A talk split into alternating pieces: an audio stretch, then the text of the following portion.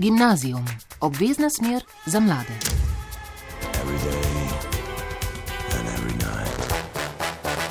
Lepo pozdravljeni. Kar četrtina mladih se sooča s težavami na področju duševnega zdravja. Ker je tema še vedno močno tabuizirana, iskanje strokovne pomoči oteženo zaradi dolgih čakalnih dob, mladi pa so generacija, ki odgovore najprej poišče na spletu, sta Zavod Vozim in Mladinski center Dravinske doline skupaj s partnerji razvila novo digitalno orodje za podporo pri reševanju duševnih izzivov mladih najdi.se. Na njem lahko mladi najdejo odgovore odgovor na vprašanje, kaj se mi dogaja, kako si lahko pomagam, kje lahko dobim pomoč. Prvi cilj novega spletnega urodja je detabuizacija pogovora o duševnem zdravju in iskanju pomoči. Drugi cilj pa je mlade usmeriti k preverjenim in zdaj po spletu in okolju razpršenimi vsebinami, ki bi jim bile lahko v pomoč. Več pa bomo izvedeli od naših dveh gosti. To sta Barbara Kos, vodja projekta Najdi.se pri zavodu Vozim in Karmen Kukovič iz Mladinskega centra Dravinske doline. Pozdravljeni. Pozdravljeni. Pozdravljeni. A če govorimo o mladih, seveda ne gre brez njih. Z nami sta tudi Lara Kovači Rep, študentka drugega letnika Ljubljanske univerze, ki je z nami že delila svojo izkušnjo o tem, da zadnja leta zaradi COVID-a in vsega, kar je sodilo zraven za njo, niso bila najlažja. In še njen prijatelj, tudi študent prvega letnika Smiljan Hude. Lepo zdrav obema. Lepo zdrav. Um, Zavod Vozim se veliko ukvarja s prometno varnostjo, poudarek dajete izobraževanje izobraževanju mladih o varni vožnji brez drog v sebi in brez telefona v roki. Ne? Kako to, da ste se zdaj usmerili tudi eh, na to, da nagovarjate mlade, ki se soočajo z neprijetnimi čustvi, z duševnimi izzivi, z osebnimi izkušnjami, na katere sami mogoče takoj vsaj ne najdejo odgovora ali pa rešitve? Ja, to je bil nekako nek naravn proces našega dela. Um, Tako ste omenila, mi veliko delamo z mladimi na področju preventive, prometa, alkohola in um, veliko hodimo po srednjih in osnovnih šolah. Um, mogoče še tudi pomembna stvar oziroma neka naša posebnost zavoda vozim je to, da delamo s poškodovanci, se pravi ljudmi na invalidskih vozičkih, ki so se poškodovali v prometu zaradi alkohola ali pa kakih drugih nesreč in nekako vso to preventivo um, izvajamo skozi njihove osebne zgodbe. Se pravi, da so ti ljudje, ki so prestali neke um, težke izkušnje, so šli naprej, postanejo neki glasovi, kako te strašne zgodbe oziroma nezgode kakorkoli um, preprečiti. Tako da nekako s to neko motivacijo. Smo se že prej ukvarjali, potem nekako v času korone, ko se je pa že začel to poudarjate, ne, kako je med mladimi duševno zdravje, um, se poslabšuje in da v bistvu to neka odsotnost iz šolskega okolja. Pa preživljanje časa doma, um, kako to na njih pač negativno vpliva, um, je pa nekako postalo čisto naravno, da bi pa mi uh, z našimi poškodovanci še bolj dal poudarek motivaciji in recimo prometno varnost ali pa druge uh, zadeve dal pa bolj v zadje. Karmen, ime pa je pravo, ne? asocira na uh, iskalnik najdi.si, hkrati pa je zelo poveden, ne? najdi.se. Ja, seveda, v bistvu je tako, da se itak človek išče celo življenje, ne? v končni fazi se ne gre to zdaj, da se samo mladi iščejo. Um, in ja, to, je, um, to si je zamislil Zavod Vozim, uh, to, to ime in uh, mi smo takrat, ko je bila pač ta ideja predstavljena in ko smo se potem tudi odločili, da gremo skupaj na razpis, se nam je to itak zdelo genialno. Um, in vsekakor uh, na mestu. Eh, Smiljan, eh, ti pred današnjim dnem nisi poznal teh spletnih strani, v bistvu jih še zmeraj ne poznaš, ampak ime se jim je pa posrečilo, kaj? Ja, se strinjam, se strinjam. Eh, se mladi iščete, Lara, imate tudi vi, tudi vi sami mogoče kdaj tako rečete oziroma tudi vi vidite, da se v bistvu iščemo vsi, tako kot je Karmen zdaj rekla, da to ni omejeno le na mlajše generacije. Ja, se mi zdi, da v teh letih je nekako to srednja tema, da se iščeš in da ugotavljaš, kdo si, kar naenkrat v nekem odraslem kvazi življenju, uh, neodvisen od staršev in mogoče od um, domačega kraja, mogoče greš študijem v drugo mesto, se tam nekako ugotavljaš, se iščeš. Um, Vidva sta šla, ne? Tako je. Ampak. Um, Kdaj je to obdobje šele zdaj, ko sta študenta, eh, ko imata več vprašanj, pomislekov, nejasnosti, pa mogoče na katerem področju vse smiljen, ker eh, veliko krat rečemo za mladega človeka se išče, pa mislimo na njegovo poklicno pot predvsem, medtem ko tukaj danes pa govorimo o tem, da se iščemo še malo v širšem ne, pomenu besede. Mm, kaj je vprašanje zdaj še enkrat?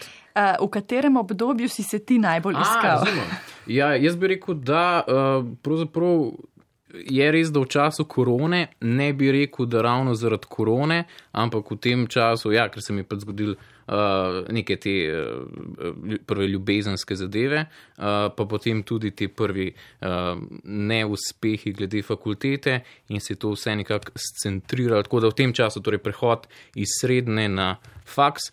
Um, Tukaj smo se kar iskali, moram pa reči, da sem se kar tudi zdaj kar najdu. Um, tako da zdaj imamo malo pauze, smo se pa en, ene, dve leti tu trajali, no. malo, malo je bilo tako. Ampak nič kaj zelo resnega. No. Aha. Lara pa pri tebi? Jaz uh, ne bom tako gotova, uh, kot je smilja, ne bom rekla, da sem se že našla. Uh, v bistvu ravno nasprotno imam občutek, kot da se vedno bolj izgubljam v teh vprašanjih, kdo sem. Um, in da vs, vedno, ko odgovorim na neko vprašanje, pride zopet novo in še tri zraven. Uh, Smiljan, kaj je tebi dalo to malo večjo trdnost, kot sem jo zaznala, naprimer pri, pri Lari? Je to študij, je to srečna ljubezenska zgodba, je to dobro počutje v Ljubljani? Kaj je tisto, kar je rešilo stvari? Prvi dve. Uh, definitivno to uh, neka večja trdnost oziroma um, boljše vedenje v prihodnosti, pri, kaj, kaj bo čez deset let, uh, da ni zgolj preznina. Uh, seveda tudi, da je, pol, da je tudi stanje z odnosi, ljubezenskimi in družinskimi in prijateljskimi, da so uh, se spet vzpostavljali, kot so bila včasih. Uh, edin, kar me pa še danes, česar me še danes strah, je to, da ne vem, kako je do tega prišlo, da so se stvari uh, utrdile in umirile, nikak ne vem kako. In če bi me danes vsem vprašal za pomoč, mu ne bi znal odgovoriti, čeprav sem šel isto čez tako, ta tipična, ja, da malo ne veš, kako pa pol zdaj veš, ampak ne vem kako in zakaj se je to zgodilo. Sam zgodil se je. Ja, nikak tako, ja. Lara, kaj tebi daje ta največji občutek negotovosti? Negotovosti. Ja, ker je mogoče ta svet, pa celotno to življenje, ko kar klišejsko zveni, ena sama negotovost. In se mi zdi, da smo ljudje ena taka gromozanska globina in neko samo vesolje po sebi, da težko najdeš vsak otiček sebe in tudi. Lahko samo z gotovostjo povem, da ne vem, kako bom v različnih situacijah, ne glede na to, koliko se poznam, mogoče v trenutku. Um, Karmen, ali v mladinskem centru zaznavate več takih zgodb kot zgodbi od Lare in od Smiljana ali več tistih mladih, ki točno vejo, kam grejo, kako bodo tja prišli in eh, ki nimajo um, takih večjih vprašanj ali pa pomislekov na to, uh, po kateri poti stopajo? Ja, v bistvu izključno. Um, delamo z mladimi, eh, ki, ki se iščejo neprestano in se seveda tudi najdejo in se zopet izgubijo in se zopet iščejo. Um, ja, mislim, da je to enostavno uh, del tega obdobja, tako kot si že ti rekla, uh, Lara. Um, in ja, tudi pri nas je tako, ne? ponavadi nas uh, najdejo, zato ker mi nismo ne njihovi starši, ne njihovi učitelji, profesori, ne prijatelji, ampak neka zmes vsega skupaj in je en tak uh, poseben odnos, ki omogoča neko varnost, da je mlad človek lahko to, kar je, brez nekega obsojanja in zato se veliko krat na nas tudi obračajo z različnimi stiskami. Tudi s takimi, ki jih nagovarja najdi pika se. Tudi s takimi. Um, tudi, recimo, če so kdaj gre za kakšne um, hujše oblike, za kakšne duševne motnje, uh, ki jih mi neposredno z našim strokovnim znanjem ne moremo nasloviti in vseeno lahko nudimo oporo pri, pozna, pri prepoznavanju nekih zadev uh, in recimo, kako to naslavljati dalje in jih biti v podporo na dolgi rok. Mislim, to je pri nas najpogostejše, da, pač, da, z, nekim, da z mladimi ostajamo res na, na dolgi rok, dokler pač se pri njih ne zgodi neka večja sprememba v življenju, ali je to, ne vem, da se vrne nazaj v študij, ali da se zaposli, ali da si usnuje družino. Skratka, tem smislu. Jim sledite. pa oni tudi no. očitno nam. Ne? In kar je potem eh, še sploh fajnega pri tem, je, da um, ko dosežejo neko spremembo, nas potem zapustijo, ampak se, ko se jim kaj v življenju dobrega zgodi, to delijo pol z nami. Ne? V smislu, ne vem, zdaj je bilo glih pred kratkim, um, zdaj že nekaj časa nisem delala z enim uh, mladim uh, moškim, ker je pač dosegel neko stopnjo, da ni več potreboval, ampak uh, si je zdaj glih uredil stanovanje svojo partnerko in mi je poslal fotke kuhne, pa parketa, pa kar tak iz, iz nule in se mi je zdelo, evo, zato sem jaz tam, točno zato. Barbara, prvi cilj projekta Najdibike se je prav detabuizacija pogovora o tem, eh, kako se počutimo, ne, kakšne stiske imamo in da to delimo. Eh, kako so mladi sploh pripravljeni govoriti o tem? To zato je mogoče že neka Karmen povedala, pa mislim, da ima Karmen glede tega več izkušnje, ampak no, nekaj, kar smo mi s tem projektom sigurno hoteli narediti, je, da se o tem še več govori. Mogoče jaz, ker sem starejša, imam tudi neke izkušnje v bližnjem družinskem krogu ali kakorkoli, no, ko mogoče vidiš, kam lahko stvari pripeljejo, če se o nekih stiskah ne pogovarjaš, če neke stvari um, ne rešiš. To so potem že stvari, ko so že prepozno, ne, pa če treba iti v bolnico, psihiatrično, ono tretje. Um, nekako pa mi hočemo s tem projektom doseči neko stopnjo preventive, da se, če se stvari, če si odprt, če se o tem pogovarjaš, um, da se stvari pač prej rešijo. No. Lara, tebi ni bilo lahko ne, v tem COVID-nem obdobju. Si se ti želela pogovarjati, si se pogovarjala, si dala to ven iz sebe ali ne? Ja, to je bilo že res eno tako obdobje, ki je bilo samo po sebi um, te zelo izoliralo ne? in že tako se počutiš, kot da si sam v tem, uh, hkrati pa se počutiš tako pravzaprav oddaljenega od vseh tvojih vrstnikov, s katerimi si se prej mogoče počutil res povezanega. In prva stvar je, ki jo hočeš razrešiti po sebi, potem boš. Mogoče jaz osebno sem prvo posegla po internetu, po spletnih virih, po se živimo v tej digitalni dobi, ne? šele potem sem se nekako opogumila in to delila z prijateljco, prijateljem. Um, je pa zelo zastrašujoče, no, ker že tako imaš občutek, da si nekako distanciran popolnoma od sveta. Torej, še časi so nekako potencirali vse stvari, v katerih smo ja. živeli. Kaj pa je bilo narobe oziroma takrat najhuje? Kater občutek je bil tisti, ki, v katerem nisi zdržala oziroma se nisi dobro počutila? Definitivno občutek, da si sam v tem in da si ti nekako nek brezupen primer, ker nimaš se z nikomer za primerjati. Um, in nisi imel na dosegu roke prijatelja dejansko, ki ga lahko pocukaš za rokav med malce in mu poveš, hej, to se meni dogaja. Ampak se je zdelo, da je vse v redu v tistem okvirčku na zumu. Ne? Barbara prav to ne nagovarja najdi pika se, pravi vse prvega prijatelja, tisti prvi stik, da vidiš, da nisi sam. Ja, v bistvu neko poistovetenje. To poistovetenje na stvar, ki se nekako skozi, skozi celo platformo, pa vse, kar je na njej, pa povezano z njo, um, nekako pa če to rdeč, rdeča nit.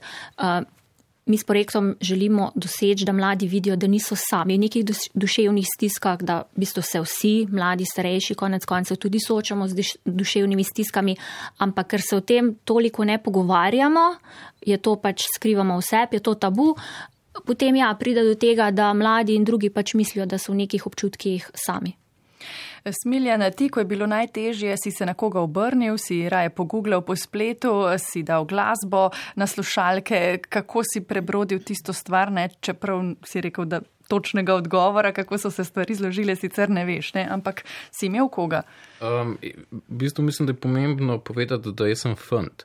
In za fante je, um, se že tako teže pridejo do prijateljev, po mojem mnenju, kot recimo ženske, ki se mogoče o teh čustvenih zadevah bolj pogovarjajo. In sem tudi uh, nekega bolj konzervativnega mnenja, da uh, pač. Potrpiš, nisi cmera in Fantje greš čez. Tako v tem smislu. Ja. In, ampak pol, seveda, to ni, ne reši situacije, kar magično. Uh, in ja, tako kot po mojem, marsikdo greš potem na splet YouTube, kjer je pa velik problem to, da ne vem, pogledaš tri različne članke ali pa tri različne videe in vsi trije so drugačni in so si na, neki, na nekih točkah potem nasprotujoči in potem tudi, tudi govorijo neki ljudje. Dobro, mogoče imajo prav, ali sploh je kaj prav. Tako, v tem smislu, potem, ko iščeš, se še bolj zgubiš. Um, in lihto, pa je pa nekako to čas šel čez, nekako potrpiš, pa se pa stvari same od sebe uredijo, vsaj tako se je meni zdelo. Lara, je mogoče vsaj na začetku res lažje brskati po spletu, kjer si anonimen, eh, tudi mogoče, če ne bi bilo COVID-a okoli tebe, ne? Se ti zdi, da, da, da je splet prvi prijatelj vaš? Um, ja, pa da ima te pasti, o katerih je tudi govoril, ne, um, Smiljan. Sigurno, sigurno. Um, jaz sem to nekako, um, je bil to moj način uh, že pred, daleč pred COVID-om, mogoče sam iz tega razloga, ker sem mogoče malo bolj introvertirana um, in mi je vsaj to dal moč, da se, ne vem, stvari, ki jih jaz doživljam, da se dogajajo tudi drugim ljudem, mi je dal moč in neko podlago, da potem lahko um, pocukam prijatelja za rokav. Um, to je bil nekak temelj tega, kar se mi zdi zelo pomemben. Je pa res, da mogoče lahko zapadeš v kakšne uh, temnejše plati in se mi zdi pomembno se zavedati, da ne sme ta tvoj problem ostati samo znotraj interneta, um, da je veliko bolj pomembno, da imaš prijatelje in se z nekom dejansko pogovoriš, um, ker najtežje je v bistvu to premljevati sam, čeprav mogoče v trenutku res misliš, da lahko je brez veze. Najdi.ka se vključuje um, povezave do strokovnih člankov tudi, ne? ampak nekako ste vi tisto sito, kjer ste razbirali, kaj je tehtano, eh, teh, kaj so tehtni na sveti, tehtni članki, da so potem, da jih napotite, da mlade napotite do njih. Ne? To je bil tudi nekakšen namen, ne? ne samo, da mlade prepustite eh, spletu na splošno, ampak da ste en tak. Um, eno tako sito, ki jih usmerite do pravih informacij, ne, Karmen? Ja, ja, vsekakor. Ja. E, to je bil namen, zato ker na spletu je ogromno stvari in seveda, ko googlaš ali karkoli, se full hitro lahko zgubiš notrne. In uh, če nimaš nekih izkušenj s svetovanjem ali pa psihologijo, se ti vse zdi prav. Pol mogoče zbereš tisto, kar je tebi najbližje, ampak ni nujno, da je to tisto, kar ti pol dejansko res pomaga. Ne? Tako da ja, to je bil naš namen, glede na neke izpovedi uh, mladih uh, z različnimi duševnimi stiskami, da poiščemo neko neko ustrezno informacijo in jo nalepimo, se pravi, na konec tega tunela izpovedi. Um, Da se dobi pač neka vsaj osnovna informacija in da se lahko iz te potem tudi usmerjaš dalje, ali da greš direktno na to svetovalnico, ali pa da si to temo potem dalje iščeš v tej smeri. Bomo o samo iskalniku povedali več nekoliko kasneje, zdaj pa prisluhnimo uh, enemu posnetku. Namreč Zavod vozim in mladinski center Dravinske doline sta pri projektu Najdi.se sodelovala z več partnerji, tudi s celsko območno enoto Nacionalnega inštituta za javno zdravje, kjer dela doktorica Nuša Konec Juričič. Zadnja ena raziskava, ki smo jo delali na NIEZ-u, kaže, da nekje, to je bilo v času epidemije sicer že, ampak uh, mislim, da okoli 25 odstotkov mladih je reklo, da se o svojih skrbeh in težavah lažje pogovarja vsaj na začetku online, se pravi nevidno, anonimno. Uh, in uh, tudi, ne, ko jih vprašamo, na koga bi se najprej obrnil, ko imaš težavo, so še vedno na prvem mestu sicer prijatelji, pa potem starši, šele potem strokovnjaki, omes pa seveda te različne različni spletni veri pomoči, ki pa so različni. Ne? Eni so veri pomoči, nekateri veri um, ali pa omrežja pa seveda lahko tudi mlade spravljajo še v dodatne stiske. Uh, to je pa potem seveda drug problem ali pa ta bom rekla negativna plat nekega tega digitalnega dogajanja na omrežjih. Vi ste se, vaša enota, pridružila temu projektu Najdi.se. Zakaj? Kje vidite vi prednost tega projekta oziroma njegovo vrednost? Uh, ja, njegova vrednost je pravzaprav prav tako krepitev te, bom rekla, strokovno podprte na nek način spletne komunikacije. Mi to eh, spletišče vidimo predvsem tudi kot tisto, kjer bo recimo zaznalo nekatere težave mladih ali pa se bodo mladi sami prepoznali, da jih imajo, ker bodo prepoznali se v zgodbah drugih in da se potem tem mladim ponuja pomoč. Ena od teh pomoči je tudi naša spletna stran, to sem jaz pikanice. Prav gre za dva komplementarna sistema, eh, ki se trudita, kot pravim, ne, spletni prostor nekako strokovno, odgovorno zasest. Izpostavlja bi, da na naši območni enoti vodimo eh, program za mlade, to sem jaz in v okviru tega tudi spletno svetovalnico, na kateri 70 strokovnjakov v tem trenutku svetuje mladim in je tako, no, da zdaj le v zadnjih letih se nam je število vprašanj, dilem, ki jih izpostavljajo mladi, znova povečalo. V mestnem obdobju je bil celo en rahov upad, sedaj po COVID situaciji se številke povečujejo. Tisto, kar je zanimivo in zaskrbljujoče, je, da med temi vidimo porast tistih vprašanj, ki mi rečemo najtežja in pri teh najtežjih stopajo v spredje težave s tesnobnostjo, pa tudi z razmišljanjem o samomoru, samopoškodovanju in podobnih težjih temah, stiskah zaradi domačega okolja in podobno. In to pravzaprav gre zelo tudi v sliko, ki jo mi opazujemo sicer v sistemu zdravstva, pri tem spremljanju redne statistike, ker prav tako vidimo, da nam narašča število obiskov, pri katerih mladi poročajo o težavah duševnega zdravja. Ne gre zgolj za motne, a ne z diagnozami že, ampak gre dejansko za stiske, ki pač mlade ovirajo v tem delovanju. In tam spet vidimo porast anksioznih moten, torej tesnobnosti, ki predvsej ovira mlade ne, v življenju in pa eh, teh motn, kot jim mi rečemo, stresne motne, motne v prilagajanju, kot nek odziv mladih na neke akutne ali pa dlje časa trajajoče težje situacije situacije, ki od njih zahtevajo tudi več prilagoditve. Tako da se mi zdi, da sej mladi v obdobju odraščanja vedno so ali pa smo imeli tudi težave, ampak kontekst, v katerem se danes dogajajo, pa je nekoliko drugačen. Ne? Družba se je spremenila, pričakovanja do mladih so po eni strani izredno velika, včasih pa se mi tudi zdi, kot da mladi imajo manj priložnosti za se soočiti z nekaterimi izzivi, ker je mogoče v poprečju seveda govorim in veliko stvari kar položeno v roke in pred njih. Gimnazijum, obvezna smer za mlade.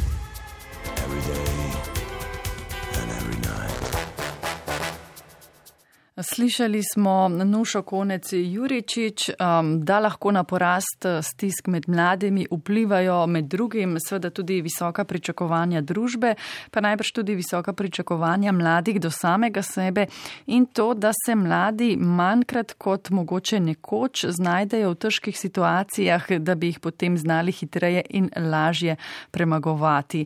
Kako pa na to gledajo gosti tokratnega gimnazijuma? Uh, Smiljan, mogoče ti prvi odgovoriš na to vprašanje? Ha, ja. Po svoje uh, se strinjam.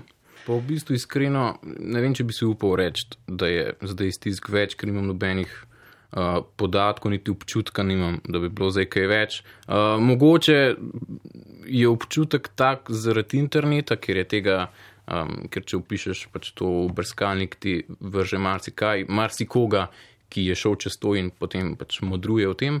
Um, ampak si ne bi upal reči, da se je kaj spremenil, ampak še enkrat to ne vem, tako občutek imam jaz. Se pa več govori ne, v zadnjih letih o tem, Karmen, kot se je prej.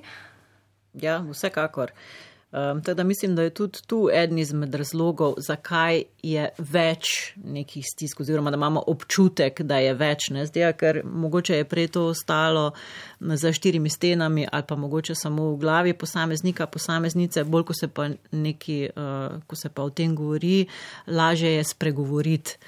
Tako da tudi jaz bi se čist eh, tebi pridružila, Smiljan, pri tem, da ne bi dale roke v ogen, da je več tega, lahko pa seveda tudi, da je, ker čas družbeni se spreminja, pos, mislim, zahtevni je vsak čas in vsaka generacija ima svoje zahtevnosti uh, v sklopu tega časa in mogoče je kombinacija obojega, bi jaz rekla.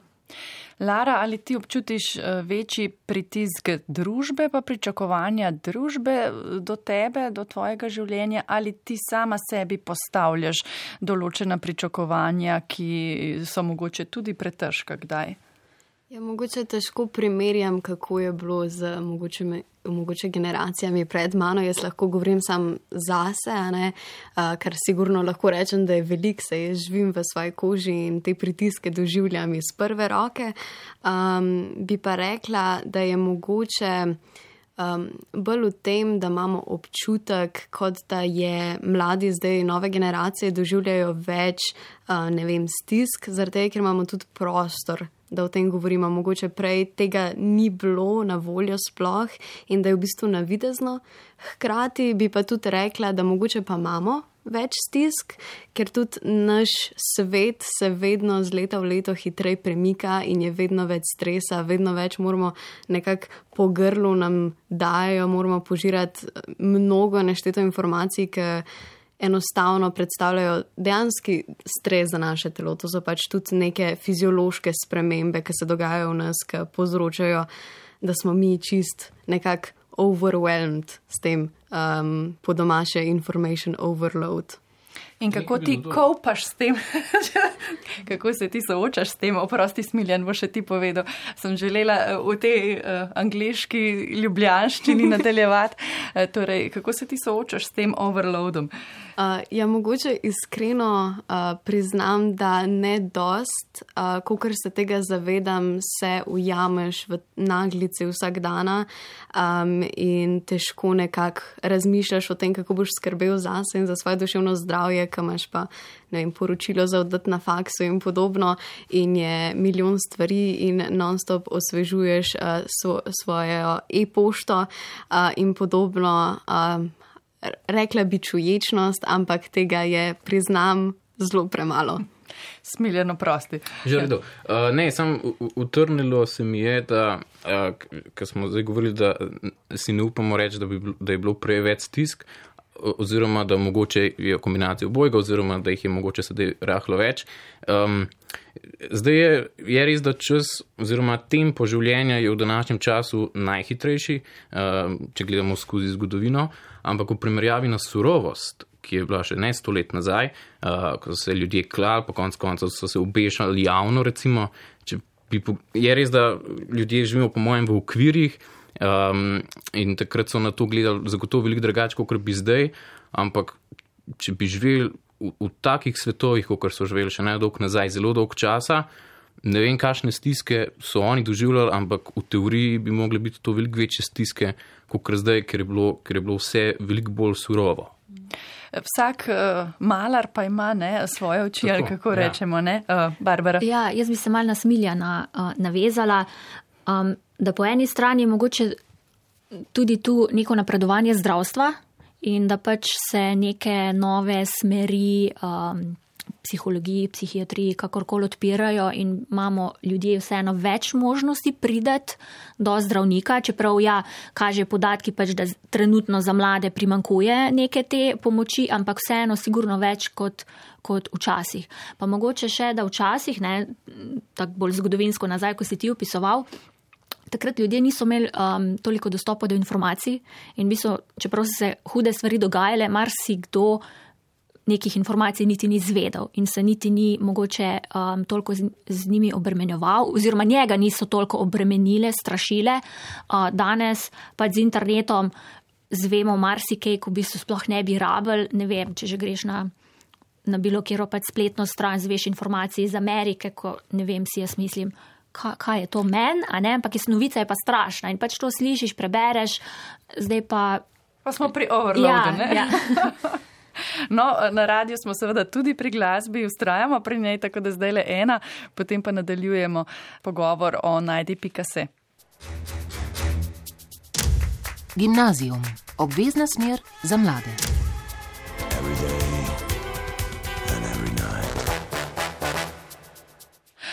Barbara Karmen, Lara Smiljan in Špela se pogovarjamo o tem, kako naslavljati duševne stiske mladih. Predstavnika mladih govorite o svojih izkušnjah in razmišljanju o tem, kako nasloviti vprašanje duševnega zdravja mladih. Nekoliko manj mladi sogovornici pa o novem digitalnem orodju, ki jim je na voljo, da lahko najdejo kakšen odgovor ali rešitev. Povedali smo, najdi.se temelji na tem, da se mladi prepoznajo v zgodbi zgodbah, izpovedih drugih uh, mladih. Um, Kaj pa vključuje, oziroma del tega vključuje tudi samo iskalnik, o katerem smo rekli, da bomo še eh, povedali nekaj besed. Ne? To je prvi del tega spletišča, oziroma prvi izmed treh ključnih delov. Ne?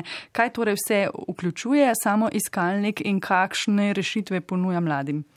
Um, ja, nekako ima tri glavne sklope, mislim, vsaj tako ga jaz vidim. Prvi je samo iskalnik, potem se če. Grete na stran, pa bi se tako mal dol poskrolate, ne? se pravi samo iskalnik, potem Instagram profil Duša zlom in na koncu še motivacijski plonk cegelci, poleg drugih vsebin, no, ampak to je nekako že kar na prvi naslovni strani.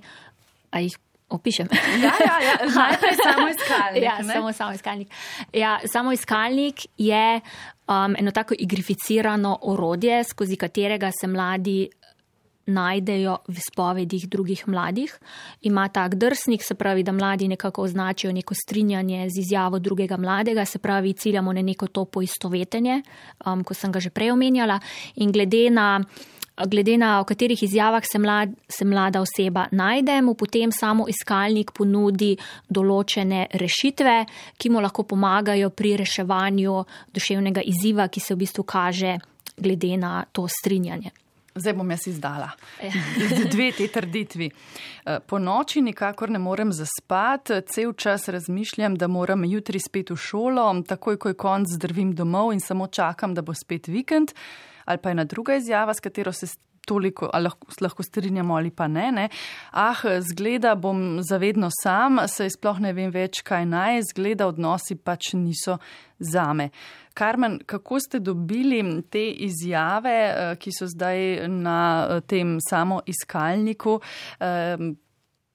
Zaenkrat jih je pet, jih boste dopolnjevali, širili, zamenjavali, um, so pregledane tudi strani strokovnjakov. Kakšen je bil ta proces ustvarjanja tega samoiskalnika?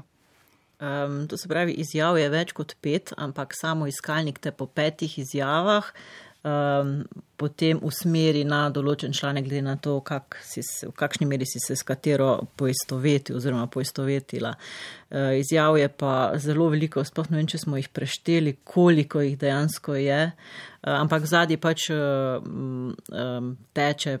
Pač ta program, ki je bil sprogramiran samo v ta namen, in potem izbira tudi ustrezne, podobne uh, izpovedi, med katerimi um, oseba, ki, eh, ki, ki ga uporablja, lahko izbira. Um, izjave so bile v bistvu izbrane oziroma preverjene tudi v sodelovanju z NJZ-jem, se pravi Nacionalnim inštitutom za javno zdravje. Um, tudi preko njih smo jih dobili in pa pač. Um, Pri vsem skupaj, pri platformi Kotaki je tudi sodelovala Lunat VBA, ki je uh, Eh, ki je ravno tako izbirala te ustrezne eh, izjave, ki so najbolj, rečemo temu, največji izziv pri mladih po posameznih področjih na tak način. Ne gre pa za diagnosticiranje ne, duševnih stisk ali moten, Barbara. Uh, ne, ne, mi nikakor ne trdimo, da smo strokovnjaki, mi smo. Uh, kaj smo mi hoteli narediti, oziroma kaj mi eh, delamo, kar smo v tem partnerstvu naredili, je, da na nek kreativen, inovativen način neke vsebine, ki so že na internetu, ki so, že, ki so strokovne, jih mladim ponudimo um, skozi pač samo iskalnik oziroma skozi najdi.se na njim prijazen način in skozi pač samo iskalnik. Zdaj, če sam tega gledamo, um, nekako sfiltriramo in pripeljemo do nekih najbolj njim prilagojenih informacij. Zdaj, ali je to v obliki teh strokovnih člankov ali je v obliki. Um, čakaj, kaj še imamo? Povezal do spletnih ja, portalov. Um, to, to smo vse gledali skozi oči. Če bi to mlada oseba brala, a bi to njemu, bo, bo to razumela, bo to njemu pomagalo. Mogoče tam bi še dodala, ko ste prej Karmen spraševala, ne, kdo je vse bil vključen v proces.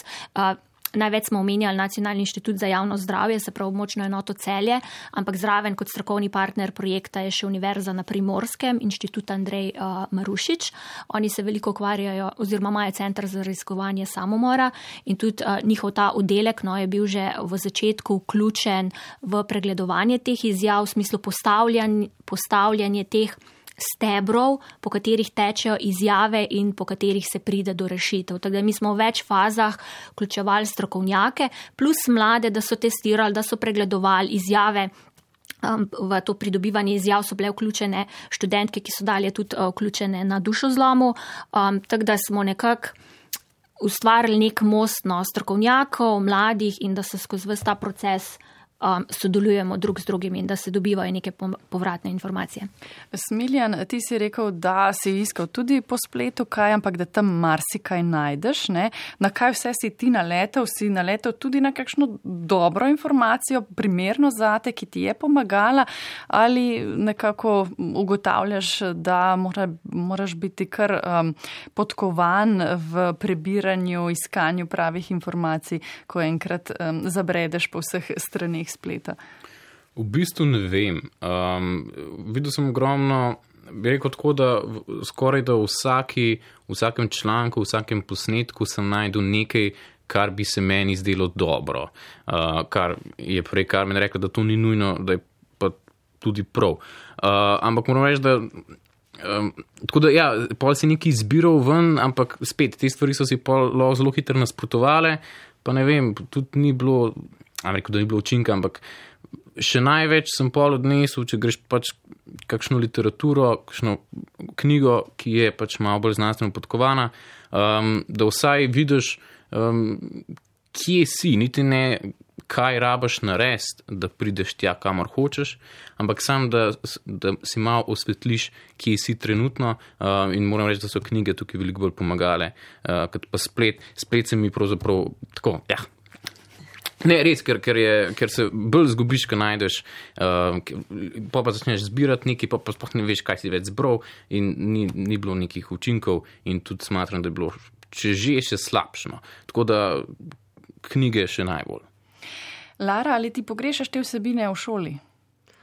Ja, sigurno. Um, mislim, definitivno. Um, je pomembno, da je to ena stvar, ki bi nam bila dijakom, študentom, um, raznim učencem dostopna, je pa vse, kar se tiče psihologije, duševne dobrobiti in zdravja, vsega je tako kompleksna zadeva, ker se jo ponavadi lahko res rešuje ali pa izvaja na individualni ravni in je težko dati en recept ali pa um, eno rešitev za to. Je pa definitivno pomembno, da je dostopno in da pač ima um, mlad človek možnost izbire, da lahko poseže po tem viru.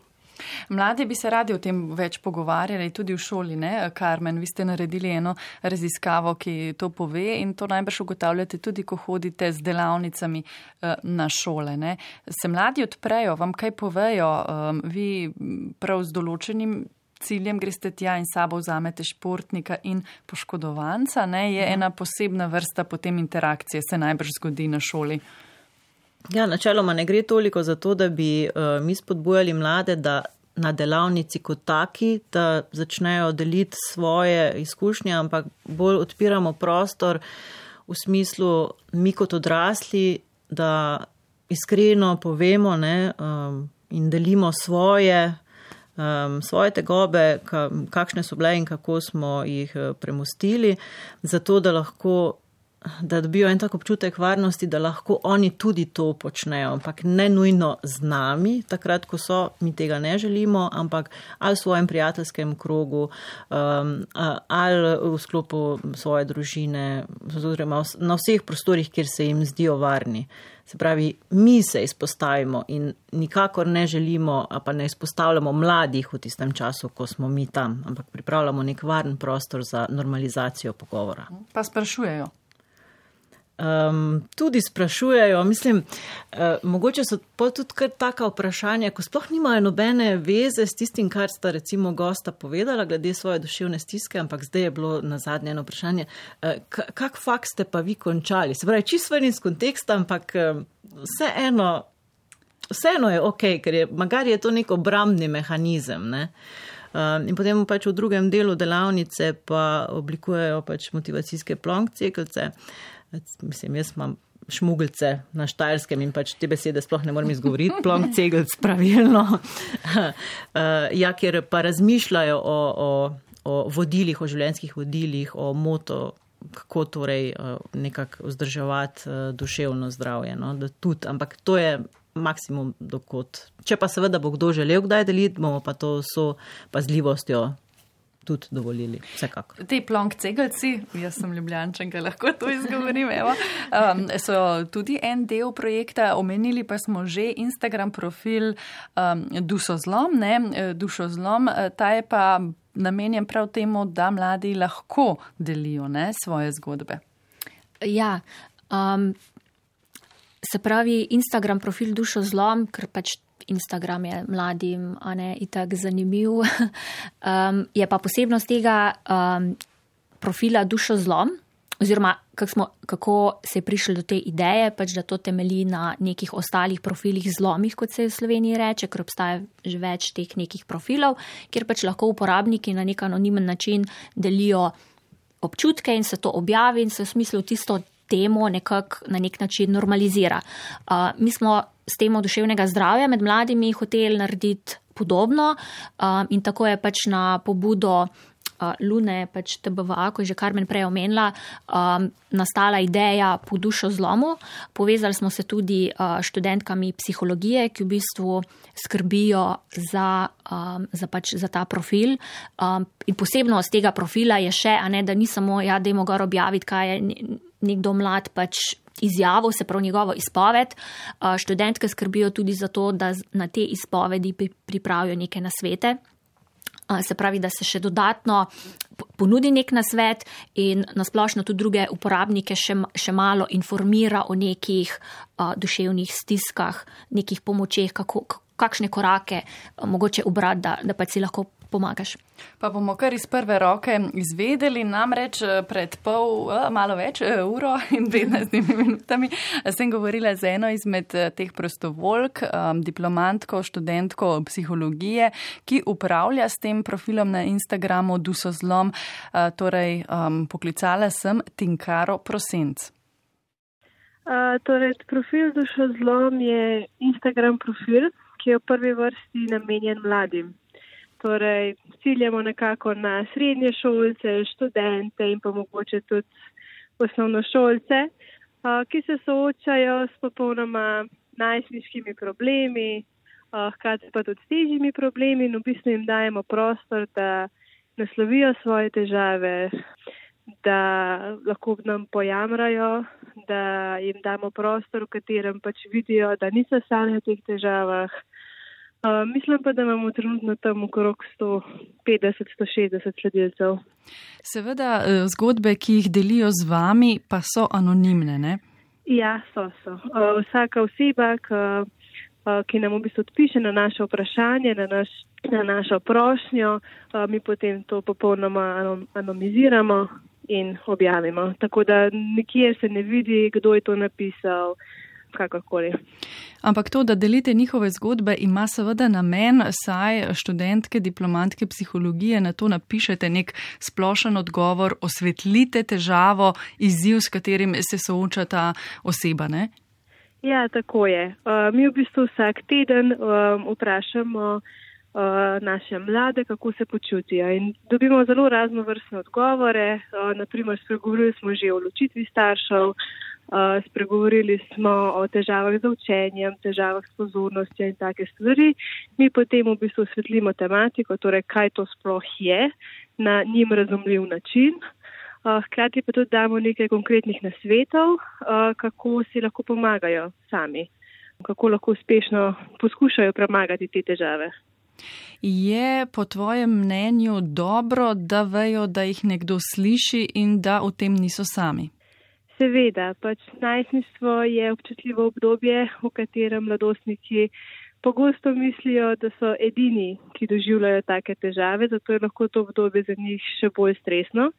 In v bistvu mi smo profil, ki jim dajemo prostor, da, tem, da vidijo, da v tem niso sami, da so še drugi mladostniki, ki se soočajo s popolnoma podobnimi, enakimi težavami in tako vidijo, da pač niso sami. Glede na to, da ste mladi, eh, vizualna generacija, kakšen je tudi mogoče tvoj pogled na vizualno podobo, ki jo ima tako najdi.se, kot tudi Instagram profil eh, Dusozlom? Imate kakšen uh, odziv tudi o tem? Uh, Zaenkrat je odziv precej dober. Uh, zdi se mi, da, da te nove podobe, nove grafike, ki smo jih dobili, zelo v bistvu še bolj jasno uh, se dotaknejo mladostnikov in se lahko v bistvu ti lažje najdejo v svojih težavah. Vsak si lahko te slike na svoj način interpretira, vsak se lahko v teh slikah najde, se z njo poveže. Ne? Um, in mislim, da te fotografije še bolj dajo občutko uh, mladostnikom občutek, da se najdejo, ne? da njihove težave niso povsem uh, nerazumljive, ampak ja.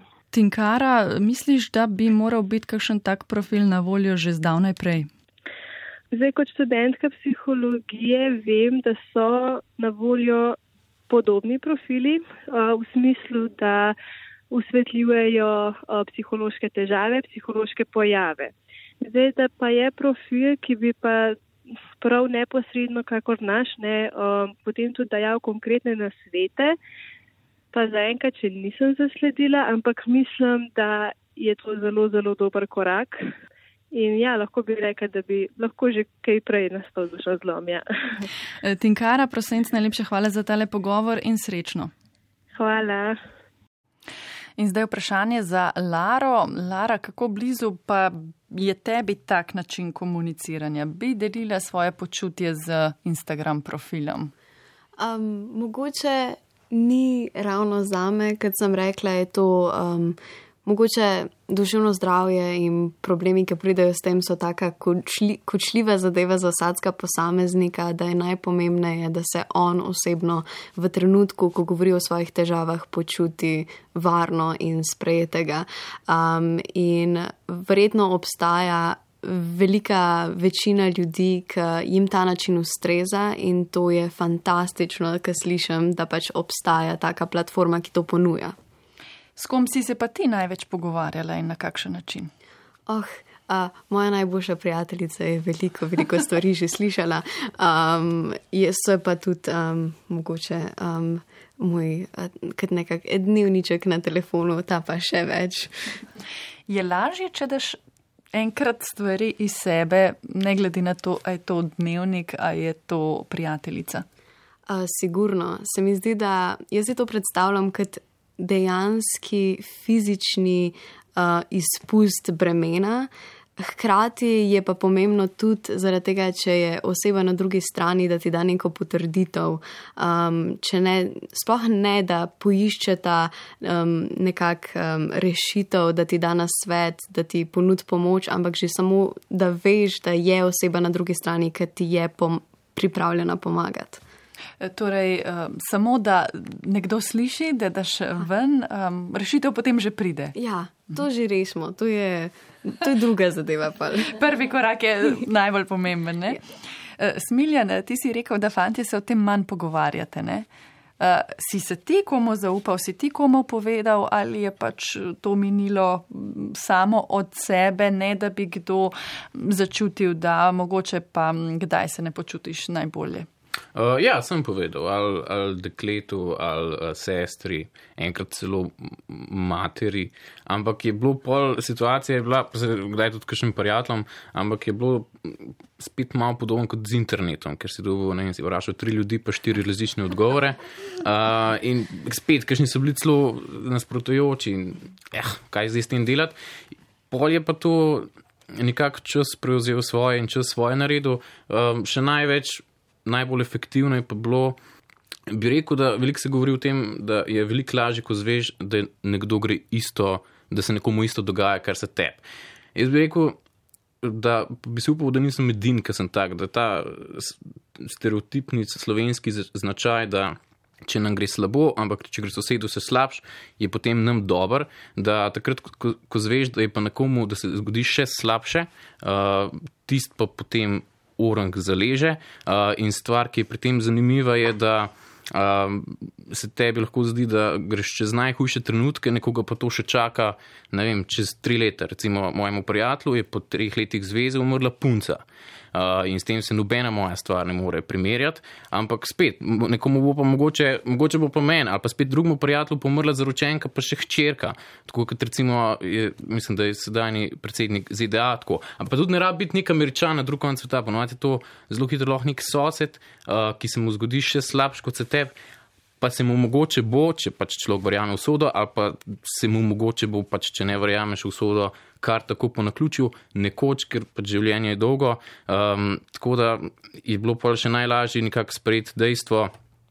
Po vseh teh pogovorih, ki sem pa dobil ogromno enih odgovorov, uh, je bilo fajn, ker dobiš več pogledov, tudi mogoče ti kažem povedati, da se nekje mogoče motiš, da pretiravaš, da ni tako zelo hudo, ampak mogoče še najlažje mi je bilo samo sprejeti dejstvo, da je življenje trpljenje uh, in pač tako je. Treba bodi vesel, potrpeti. treba potrpeti in ko pač je fajn, uh, bodi vesel, lahko da ne bo, lahko pa da bo še mu še slabš um, in pač bod hvaležen za tisto, kar, kar imaš.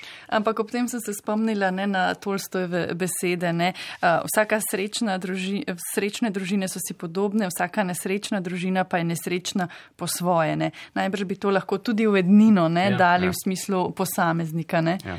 Um, mogoče, uh, Barbara, uh, je pa splet tak, ki nagovarja prav posameznika, ne? kot smo zdaj smo slišali, um, nekako sam pri sebi moraš rešiti stvari. um, Kdaj je v teho to, da slišiš, da gre nekomu še huje, ali pa da rečeš, o, hvala Bogu, da meni ne gre. Ne? Um, je splet tak, ki najprej pride ne, do mladih, najhitreje in nagovarja prav točno samo enega ne, posameznika. Ja, mislim, sigurno je internet, pa splet, pa vse, kar je s tem pač s socialnimi mreži, kakorkoli povezano, to je mladim oziroma tudi vsem nama ne takoj na voljo. Uh, Če se lahko malo nasmiljena navežem, no ne bi, ne bi jaz rekla, da, zdaj, da ne bi tako izpadla, ne, da v smislu.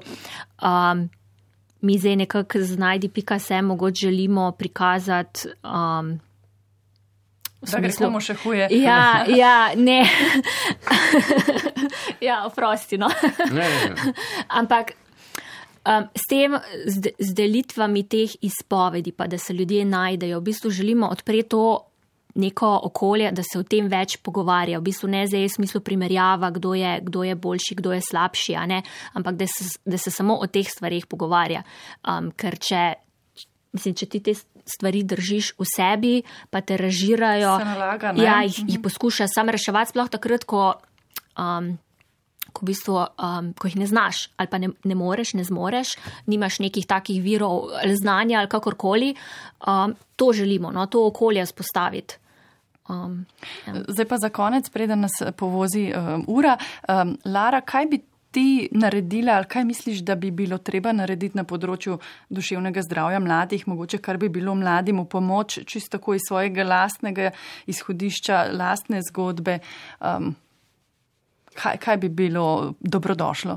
Dobrodošlo je dostopnost um, raznolikih virov pomoči, um, ampak tudi že to, da se govori malo več o tem, da je to ena stvar, ki ni tabu, ki se dogaja. V redu je, da se dogaja, v redu je, da se en dan počutiš kot siva barva. Um, da lahko govoriš o tem in da pač imaš prostor v tej družbi govoriti o tem, ampak če nimaš, ja, če nimaš um, sploh virov ali pa načinov, ki ustrezajo različnim ljudem, potem pogovor tudi, a ne, ne preostane. No, vsaj mi smo zdaj dodali en majhen mozaik eh, k tej detabuizaciji te teme, pa smo se malo pogovarjali, čeprav vem, da bi lahko še nadaljevali, ampak ura je čas. Eh, samo še tri minute, še manj nas loči do 9. do 21. Tako da jaz se vsem lepo zahvaljujem za tale pogovor. Na prvem z nami so bili študenta Lara Kovači Rep in Smiljan Hude, Barbara Kos, vodja projekta Najdi.se pri zavodu Vozim in Karmen Kukovič iz Mladinskega centra Dravinske. Savinjske doline. V studiu prvega sem jih gostila Špela Šebenik, zato ne poskrbel Miha Klemenčič. Vsi skupaj pa poslušalkam in poslušalcem, mladim, odraslim, starejšim, vsem želimo srečno. Adijo in hvala vam. Hvala, ja, hvala enako. Gimnazijum, obvezna smer za mlade. Every day.